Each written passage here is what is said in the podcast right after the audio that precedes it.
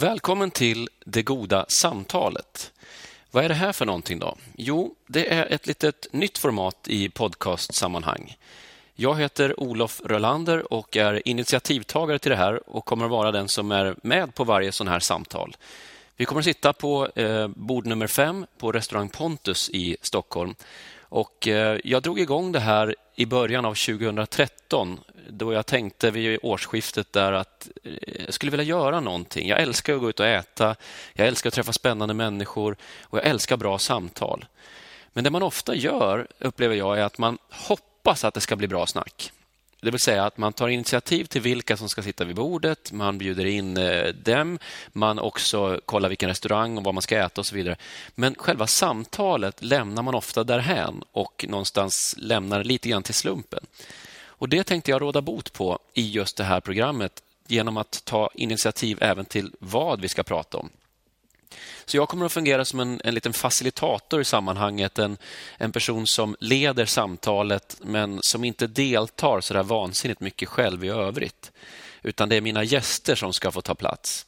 Och Gästerna eh, under första året när jag körde det här var ju inte vilka som helst utan det visade sig att rätt många människor tycker det här liksom själva rubriken, Det goda samtalet, är intressant. Inte minst i den tid vi lever i där det är väldigt mycket annat som gäller. Och det är debatter, det handlar om att vinna, det tar ställning och så vidare. Här då, i Det goda samtalet så är det snarare så att målet är att bli klokare. Så ambitionen är att få samtalet att växa tillsammans och att ha öppna frågeställningar. Det vill säga, istället för att säga att så här är det, eh, så säger man så här tror jag att det kan vara. Vad tror ni?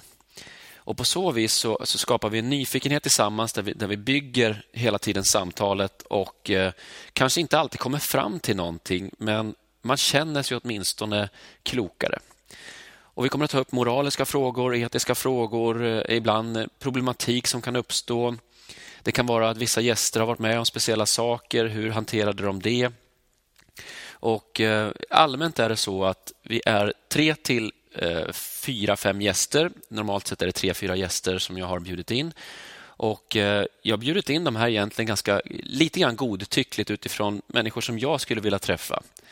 Eh, jag jobbar ju som inspiratör och, föredragshållare. Jag bloggar på olofrolander.se. Jag har skrivit tre böcker. Alltså jag har träffat många av de här människorna i olika sammanhang på teatrar och, och eh, föreställningar och, och, föreläsningar. Men vi har aldrig setts kanske i det här eh, forumet. Så det här är väldigt intressant tycker jag och eh, jag tror att du kommer att gilla det. Jag tror att du kommer att uppskatta nivån på samtalet och eh, även gästerna som ofta är eh, briljanta, intressanta och speciella på sitt sätt. Så vi kommer att tala om olika saker och till varje måltid som serveras. De får alltså tre stycken rätter och det här spelas in live då i en enda tagning och som sedan klipps ner. Så till varje rätt som kommer så, så klingar jag lite i glasen och så får man då rösta ja eller nej. De får en grön lapp och en röd lapp och så ska de då eh, ett rött kort och ett grönt kort och så ska de då rösta. Grön då är de för, då är det ja på det här påståendet och röd då är det nej. Så man måste ta ställning, även om det givetvis frågan är ställd så att den är väldigt svår att svara nej på eller ja på, utan det blir ofta kanske eller det beror på och så där. Men för att få något att utgå ifrån så har vi alltså en, en, eh, ett ställningstagande som vi sedan då, eh, kan man säga, eh, filtrerar och luckrar upp och så i slutändan så, så handlar det inte om vad man röstade för egentligen utan bara för att få en utgångspunkt. Så Det goda samtalet är en, en, idé som jag fick alltså och eh, som jag fick mer smak av. Vi spelade inte in det här samtalet första året utan det var en grej som vi körde. Men alla som fick veta att jag gjorde det här tyckte liksom, vad kul det hade varit att vara en fluga på väggen. Att få lyssna till vad de här spännande människorna faktiskt säger. Och Det blev grunden till det du lyssnar på nu.